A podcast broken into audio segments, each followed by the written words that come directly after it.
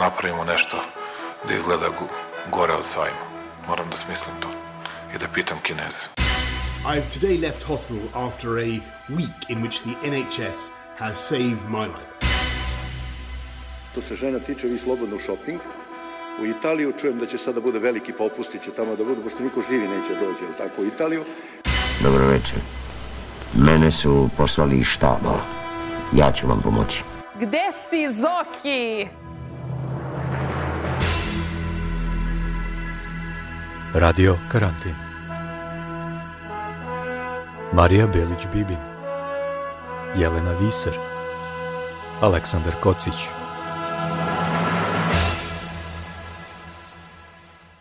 Šta vama znači muzika u teškim trenucima ili u samoći? Izlaz ili još dublji pad? Da li je za vas muzika usputna buka ili vam pomaže da jasnije vidite sve oko sebe i shvatite svoje emocije? Dobrodošli u novi Radio Karantin, podcast posvećen životu u pandemiji. Ja sam Aleksandar Kocić u Glazgovu, a sa mnom su kao i uvek Marija Belić-Bibin u Novom Sadu i Jelena Viser u Utrehtu. Sa nama danas u Ljubljani živa legenda jugoslovenskog novog talasa, pevač i vođa lačnog Franca Zoran Predin. Zorane, u glavnom gradu Slovenije, dobar dan, kako trenutno izgleda postkarantinska Ljubljana? Ovdje je gotova ova pandemija, nema više zaraženih, polako se sve opušta, nadamo se da će što pre dozvoliti i koncerte, barem one vani, i, ali se, sve se potpuno promenilo. Ovo, ovo razdoblje je onaj svet koji je bio pre pandemije promenila u nešto drugačije. A, ljudi su se promenili, neke, neke ono, stvari koje su izgledale večne, brzo su propale, pojavile su se neke nove i sada vidimo svet u nekim drugim bojama na neki drugi način, tako da to je ovako bilo dosta, dosta jako iskustvo.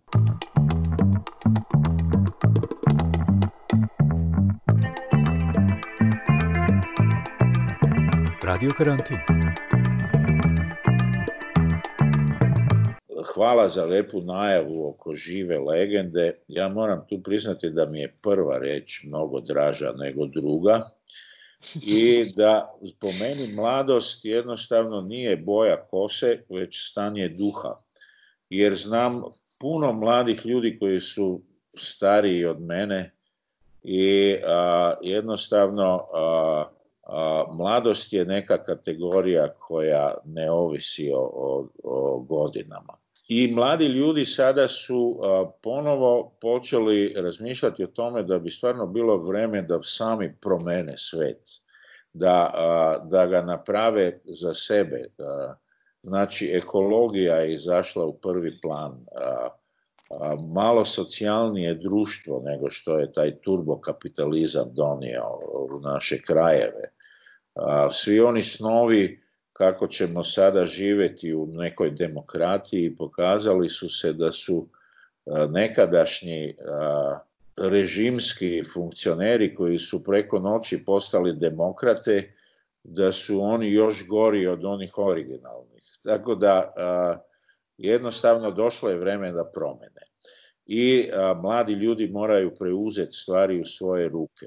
A što se tiče one, onih tamnih dana, prvih mjesec dana ove karantene, e, bilo mi je drago da se ponovo pojavio humor. Na netu se pojavilo ono puno, puno izvrsnog humora kojeg ono deset godina nije bilo nigde. I naravno to su bila neka vremena zezanja gdje smo popili prvu rakiju tačno u podne. nije se čekalo na, na za laku noć i tako dalje i mjesec dana je bilo stvarno sve naopačke. I, I vrlo ovako plodovito i kreativno. pojavila se neka nova kreativnost. Ti si jednom rekao da su javna dobra, zdravstvo i školstvo mete kapitalizma. Da li je tebe ova pandemija dodatno učvrstila u tom stavu? Naravno, tu se nas je spasilo javno zdravstvo. To je sada pokazalo se svugde. Gde je postojalo organizirano javno zdravstvo, tamo je bilo malo žrtava.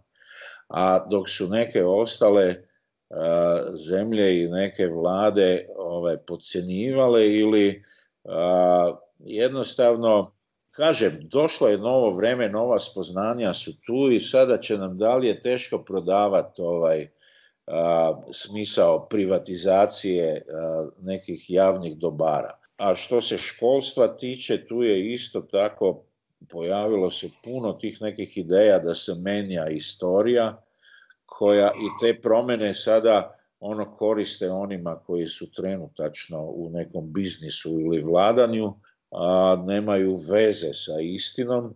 Ono školovanje mora biti za sve jednako, i a, mora temeljiti na, na istinitim faktima. U jednoj od meni najdražih a, pesama Lačnog Franca, na Ljubne rišel usnice, a, pevaš kako ti je tri dana strašno daleko. A, koliko dugo ti je trajao jedan dan u karantinu? Ja sam mislio da će, da će te neke promjene da budu veće, jače i tako dalje, ali me je onda Razmišljao sam u one četiri godine e, o Sarajlijama koji su bili zatvoreni u svoje stanove četiri godine i e, kako je to e, utjecalo na njih kad je, kad, kad je to završilo. I onda me prijatelj i kolega Boro Dežulović ono razočarao i rekao vidjet ćeš, ljudi će to zaboraviti u mjesec dana. I tačno to se sada događa E, jednostavno stvari će brzo krenuti e, e, tamo gdje će moći na, na taj stari način. Što se tiče inspiracija ili ne znam, puno mojih kolega je radilo nove pesme, snimale su se i tako dalje. Ja sam zapravo pao u nekakvo stanje gdje su mi sve ove nove koje sam pokušavao napraviti zvučale tužno, ljuto, ovako bile su baš karantenske i ona se rekao ne, neću sada, moram to ovaj, probaviti pa ću onda, ne znam, preko leta ponovo, imam puno drugog posla. Završio sam jedan roman, napisao sam roman, fikciju, nešto što sam želeo već dugo i to mi je sada treća knjiga Ovih dana sam je dao u čitanje, tako da možda jesenas ću e, se ono i kao pisac romana na neki način predstaviti svojoj publici. Ne, ne mi dihat za ovratnik, ne boj se, ne bom Ne, ne mi dihat za ovratnik, da ti potem ne bo žao, Ko ti bom začel gumbe, Spil ti bom na smeh iz usnic in z ramen potegnil svilo. Ne bom se ustavljal na kolenih, ko ti bom dvigal krila.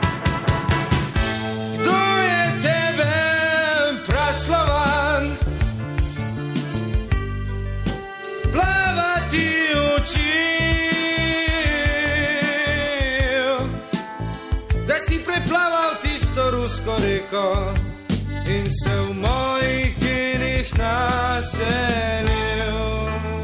Prosim, pazi, da ne pohodiš po večnjaku. Prosim, pazi, aj, aj, aj, aj. Naj ti bolj ljub nariše, naj.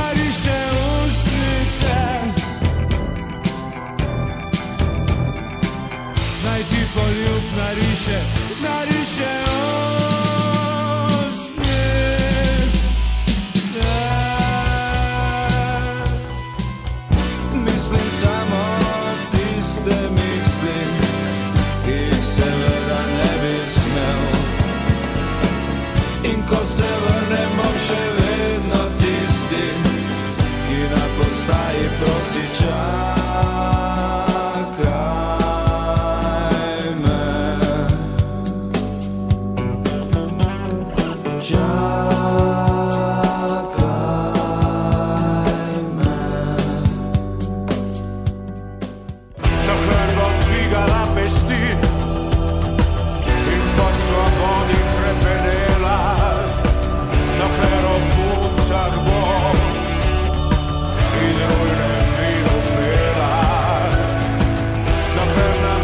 Sheila.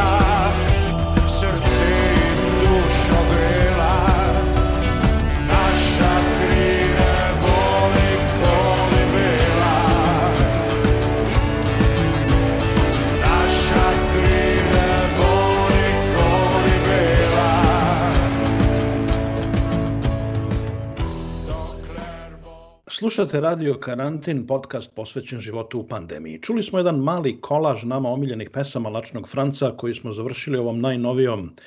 Zorane Lačni Franc je nedavno izbacio tu sjajnu pesmu Naša kri, nebo Nikoli Bela.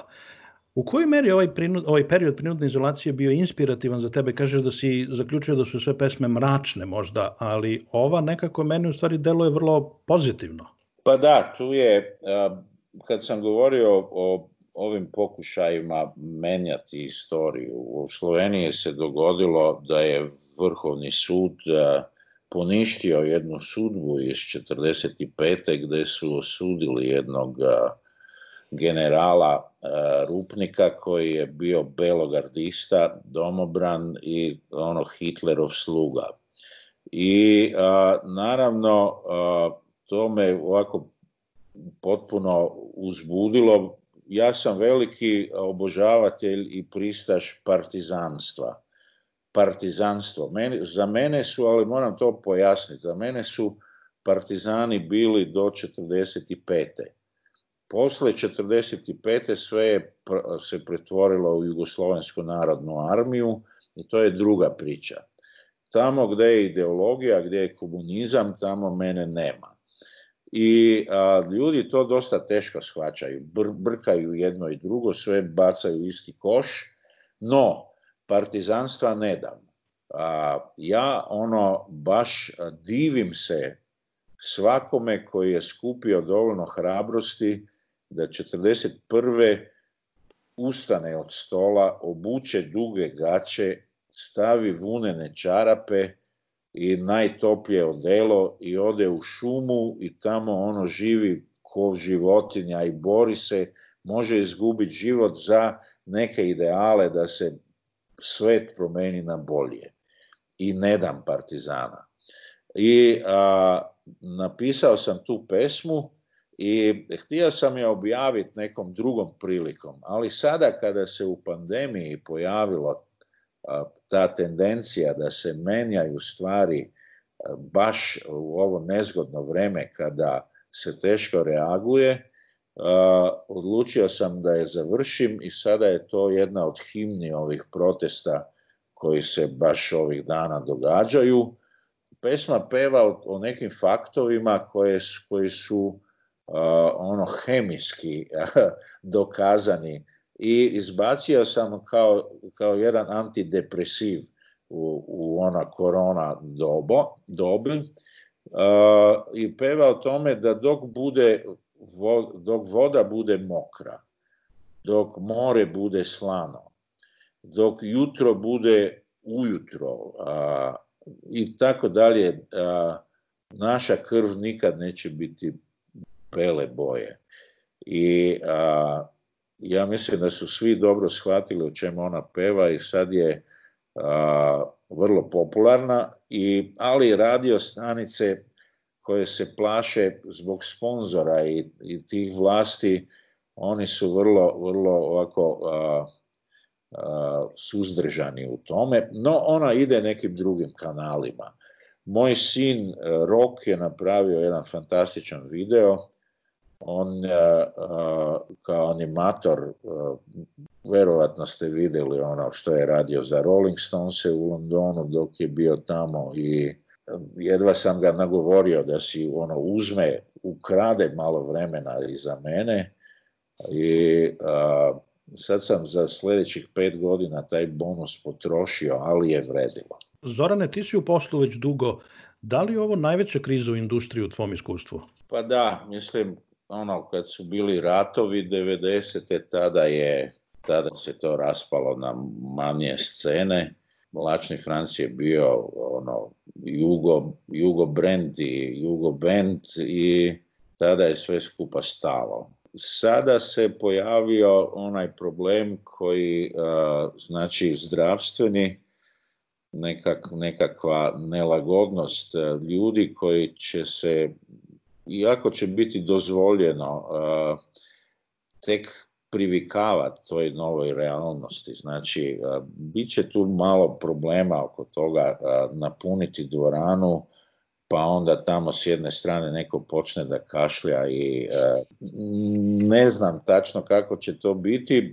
Verujem da je veći problem, nažalost, u tome što je ekon, sve su se države zadužile, po, ono, potrošile su pare, ne znam, pozajmile i tako dalje, da će biti ovako ekonomska kriza svugde, a koncerti, e, utakmice, e, pozorišne predstave, izložbe i tako dalje, to u budžetu dolazi na kraju. I kada nestane e, porodičnog budžeta, nestaće i para za, za ulaznice. I to je ta druga faza koja će nas uhvatiti jesenas i nadam se ono na iduće godine nekako da će se možda stvari vratiti u stare tirnice u tom ekonomskom smislu. Inače, ono, predviđam, ne znam, spuštanje cijena, ne znam, vrijeme će pokazati. I kao uvijek, ono, najjači će ostati, sada e, što se medija tiče, ne, e, pobedit će najprije bendovi koji su bendovi za gledanje, za oči, znači oni komercijalni koji rade u smislu biznisa i zabave i recimo koji imaju te neke vizualne atribute, ne znam, da dobro izgledaju, da plešu, da ne znam, u tom smislu dok će e, oni drugi koji e, ne znam e, temelje na nekakvoj energiji koja se može osloboditi baš na nekom pravom rokarskom koncertu uz neko zajedničko pevanje u velikim salama ili bir festovima i tako dalje to će možda tek iduće godine ponovo da proradi. ja sam tu, imam tu sreću da dosta nastupam kao kantautor, znači sam sa gitarom u nekom duetu ili gypsy swing, akustična glazba i Lačni Franci imamo akustični program, tako da ću se pokušati nekako nuditi svugde gdje će to biti moguće jer to mi je ono od toga ja živim ja nemam drugih prihoda jednostavno nadam se da će se kroz ovu pandemiju ponovo pojaviti bendovi koji će u svojim pesmama nositi poruku i da pokušavaju nešto reći znači da se možda vrati u glazbu ono što je nekad imala, do granđa, do, do nirvane, ne znam. Onda je to negdje nestalo i otišlo je sve u, na internet, na, na ne znam, više puta sam rekao da je a, Assange je Johnny Rotten ovog vremena i da se te neke ideje sada vrate u glazbu, da ja imam veru u nove generacije i ovi neki novi ljuti momci će postaviti stvari na svoje mesto. Radio karantin. Ovo je podcast Radio Karantin, vaš najbolji vodič u regionu kroz sve aspekte pandemije. Na ovom SoundCloud profilu na kojem nas slušate naći ćete i sve naše prethodne epizode. Naši gosti su između ostalog bili profesor ekonomije i noćna mora Siniše Malog Raša Karapanđa, istoričarka Dubravka Stojanović, klinički psiholog Tijana Mandić i medicinski naučnik Svetlana Gavrilov, koji su nam pomogli da bolje razumemo aspekte pandemije iz njihove specijalnosti. Evo Kole je upravo spomenuo da je pandemija iz istorijski događaj u kojem smo se nekako odjednom našli ni krivi ni dužni i sad kroz ovaj podcast gledamo šta ćemo i kako dalje. Zorane, ti si u Praslovanu pevao Zajebali ste sve što se zajebati dalo. To je bilo 81. i meni je i danas fascinantno da ti je to tada prošlo. I tada si napisao da ćemo opet zajebati sve što se zajebati da. Da li je moguće da kao društvo nikada ništa ne učimo iz prošlosti? Pa nažalost, eh, ovaj, eh, već su dva put zajebali i plašim se da će ponovo. I jednostavno, eh, mlada smo društva i ne znam, skandinavcima je trebalo, ne znam, 200 godina da se nekako etabliraju i danas ono žive na neki drugi način. Verovatno ćemo i mi ali do tada bit će još veselo. Ono što je sada recimo pozitivno promenila ova pandemija je činjenica da nas je povezala. U jednom trenutku kad smo se svi našli u istim govnima, razlike su nestale i evo baš to da smo danas nas petoro e, ovdje povezani, moramo zahvaliti toj pandemiji. Znači počeli smo komunicirati između sebe i ono što je najvažnije i što ni, nijednoj vlasti nije drago, počeli smo direktno komunicirati jedni s drugima i u ovoj direktnoj komunikaciji nema, fake news, nema mesta za sve te neke, neke ono, Twitter finte i, te stvari koje nam e, svi ti sistemi sada ono u veliko prodaju uz marketing i tako dalje. I ja mislim da, da se sad ono okrenila se stranica u neko novo vreme, pa ćemo baš ovom tehnologijom moći neke stvari dogovoriti direktno, bez tih nekih institucija koje su se u 20. veku nabacile i ubacile u, u naš život, u naš posao, u, naše, u našu komunikaciju. Tako da tu vidim, vidim varijantu, ne znam, baš za, za mlade bendove da se ono direktno povežu sa scenama, ne znam, scena u Ljubljani i u Pančevu, Beogradu, Zagrebu, tako dalje, a, barem što se tiče regije, je sada dobila neko oruđe koje, kojeg mi nismo imali. Mi smo još slali mi smo one marke lizali slali još ono, pisma i tako dalje. I još je jedna činjenica nova. Naime, ova tužna 90-ta su raselila po čitavom svetu, nazovimo nas Balkance, u sve veće gradove zapadne Europe. Verujem da svi znamo da, ne znam, u Čikagu živi deset i više hiljada Srba, da u Dublinu živi 7000 Hrvata najmanje, da je Prag pun bivših Jugoslovena i jedna je činjenica da se sada tamo može organizirati u na komercijalnim temeljima koncerte, što je bilo nezamislivo. I ne znam, mi smo pozvani u Chicago, u New Yorku, u Toronto, bez nekih ono ministarstava za vanjske poslove i tako dalje, već direktnim kontaktima sa ljudima i još nešto. Na koncertu u Pragu ili ne znam gdje smo bili, Geteborgu u Švedskoj, svi su narodi došli na taj koncert i tamo nije bilo svađe.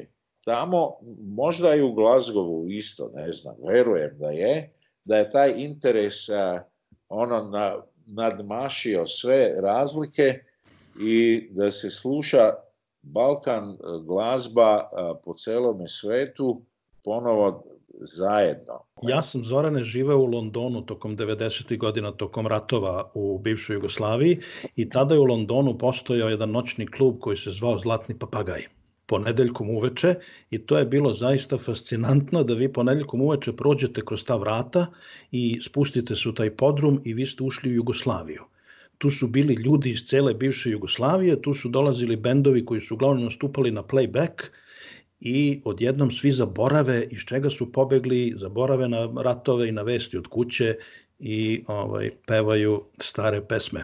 Ti si jednom rekao da je muzika iz 80-ih nosila zaraznu radoznalost i poetske poruke koje su potpuno promenile svet, a da je danas muzika uglavnom samo industrija zabave.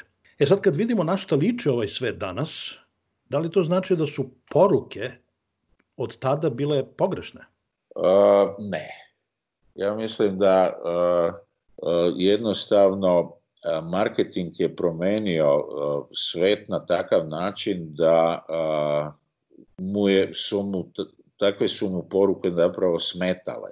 Znači, sve su poruke 80-ih novog talasa bile temeljile na bazičnim postulatima francuske revolucije, znači egalite, liberte, fraternite. To je nešto što kapitalizmu i marketingu dosta smeta. Ima tu socijalnu notu koja u biznisu samo smeta. I sad je bilo nužno da uz pakiranje ovo nove demokratije koje smo stvarali u svojim novim državama, da se tu izbace te neke stvari koje se smetaju i da se ono radi ono što marketingu treba. A marketing koristi modu, koristi stil, ne znam, tehnologija YouTube-a je, je napravila da je broj ovih lajkova postao i znak kvalitete što je ono posvađano s pameću. A, znači, baš je obrnuto, više manje. Ne? Možda nekima pravim krivicu sada, ali većini ne. Jednostavno je ambalaža postala važnija od sadržaja. Znači da se nekad kad smo gledali u razred u gimnaziji, a, mi smo htjeli imati svaki od nas u razredu neki svoj stil, neku svoju frizuru, nešto osobujno, e, osobito. Onda se to pretvorilo, sada niko neće da iskače. Svi su isti, imaju u istoj modi, u istoj frizuri. Ovi vikinzi su sada preko futbalera promovirali najnemogućije frizure koje su jednostavno ono zarazne i, i pogledaš ono u razred e, gimnazije jer više manje svi su isti. Nema, sve manje ima onih koji razmišljaju svojom glavom i to je to što sistemu treba. Znači birači. Birači koji će verovati medijima, i oni će glasati. Tako se promijenila Amerika, tako je Trump došao na, na vlast i sada Trumpa kopiraju svi ovi bivši komunisti koji su sada najveći demokrate i pokušavaju vladati na isti način. Tu su poruke iz novog talasa apsolutno žive i, i na mestu. A treća scena svjetska glazbena je definitivno bio jugoslovenski novi talas u 80-ima. To je fakat. A sa druge strane mi je potpuno jasno da nekim novim plincima ide na kurac ovaj naš novi talas da imaju pun kofer svih tih bendova i pesama koje su neprestano izvlače iz... ali dok ne bude boljih, onda ne dam ovih. Ove su još na mestu. Kako bend može sada da, da opstane i da traje kao Lačni Franc 40 godina? Ha, druga su vremena sada ja mislim da je njima mnogo teže nego što je bilo nama. A oni jednostavno su bačeni u neki svet u kojoj nemaju vremena za godinu, dve neodgovorne mladosti.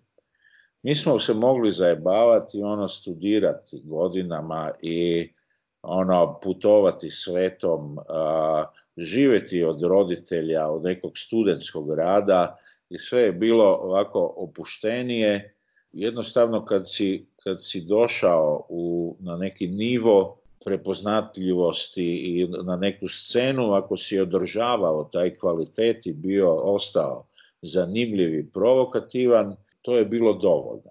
Danas mladi ljudi moraju već u osnovnoj školi razmišljati o toga od čega će živjeti, a baceni su u ralje ovog kapitalizma, a, borbe za, za posao, uopšte doći do posla, biti zaposlen, biti socijalno osiguran i tako dalje.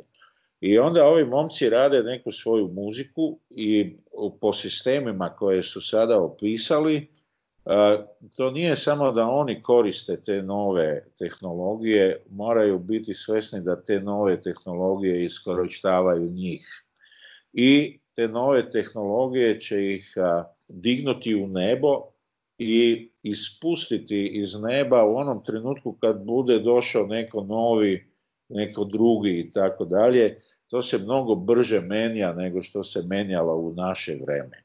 Zato je njima puno, puno teže. A savjet ono e, starog prdonje bi bio samo u tome da rade e, za sebe i da ono što oni smatraju da je to to, da onda stoje iza toga, neovisno o kritičarima, ne znam, neovisno o tome šta drugi ljudi kažu, ako njima to odgovara, ako oni staju iza, stanu iza toga i kaže to sam ja, onda je to to. Sve ostalo je, je ne znam, igra slučajnosti, upornog rada, jednostavno i oni će se promijeniti. Za par godina će malo drugačije gledati na neke druge stvari, ali onaj e, e, uzrok i ona nužda zbog koje rade tu glazbu, ona mora ostati nedirnuta ne ovako to je smisao svega. Zorane, ti si iz Slovenije, pevaš i na slovenačkom i na srpsko-hrvatskom i publika te voli širom bivše Jugoslavije. Rekao si da je za tebe Jugoslavija duhovna domovina gdje žive ljudi koji te shvataju bez puno reči. Odavno postoji teza da Jugoslavija na nivou zajedničke kulture zapravo nikada nije prestala da postoji. Da li se ti slažeš? Pa, kod nekih srodnih duša sigurno nije. A to nije jugo nostalgija. To je nešto drugo. Ja bih proširio, znači ne samo glazba, tu je gastronomija, kulinarika, tu je basket, košarka recimo. Ne? To je nekako ostalo neuprljano politikom. I nažalost danas mladi ljudi kad se sretnu negdje govore engleski, zaboravili su taj jugo-esperanto jezik, to govorimo samo mi, ali mislim da će, da će neka pozitivna energija koja je proizašla iz tih 70 eh, godina zajedničkog eh, života, da će eh, i već je rodila neki novi kvalitet. U jednom trenutku mislim da će Jugo Esperanto, tako ja nazivam ove jezike koji su nastali iz bivšeg srpsko-hrvatskog, da će postati to moderno jer vidim kod mladih Slovenaca koji dođu u Beograd i tulumare tamo preko vikenda ili ne znam kad sam ja sa novom postavom Mlačnog Franca znajući kako da se bend rađa na kotačima bacio sam ih u kombi i po prvi put odveo u Srbiju. Svirali smo u Novom Sadu, Beogradu, Nišu i Užicu i ono u nedjelju navečer nisu se htjeli vratiti doma kući rekli su ajmo ostanimo još malo ovo je bilo za njih potpuno novo iskustvo nekakav drug, drugačiji temperament reakcija i tako dalje i mislim da ako smo sada počeli komunicirati ponovo barem elektronski da će se i te, te nekakve e, e, ta nekakva zanimancija za za to o čemu e, mi njihovi e, roditelji ili dede i bake e, govorimo da oni to vide na vlastite oči da iskuse pa da onda stvarno e, dožive to u, u, u druženju recimo ne? suradnji u, u nečemu pokazalo se da jednostavno ipak imamo nešto zajedničko sad je, svako ima nešto što bi za, za sebe mogao pronaći, naziva to nekim drugim imenom, ali verujem da imamo nešto zajedničko. Možda neki ne znaju da to postoji, ali tek u slučaju kad se dogodi direktni kontakt, onda to postoji. A, u sada čitam, ovaj, Amerikanci su počeli pisati o tome da bi klub kojeg bi napravili od igrača iz bivše Juge bio definitivno NBA prva. Bio ovo još jedan podcast Radio Karantin. Sa vama su bili Zoran Predin, Marija Belić-Bibin, Jelena Fiser i Aleksandar Kocić, a u pozadini naš tehnički guru Ivan Tomić. Kao i uvek čuvajte zdravlje, perite ruke, držite se na bezbednoj udaljenosti od drugih i slušajte muziku, pevajte, igrajte, jer kaj bi mi brez nas.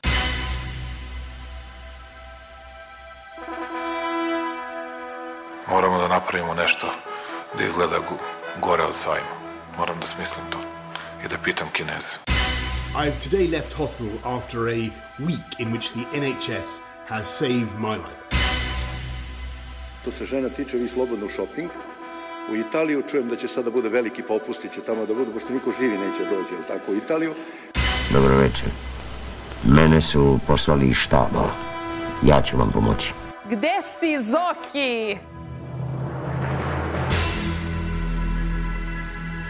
Radio Karantin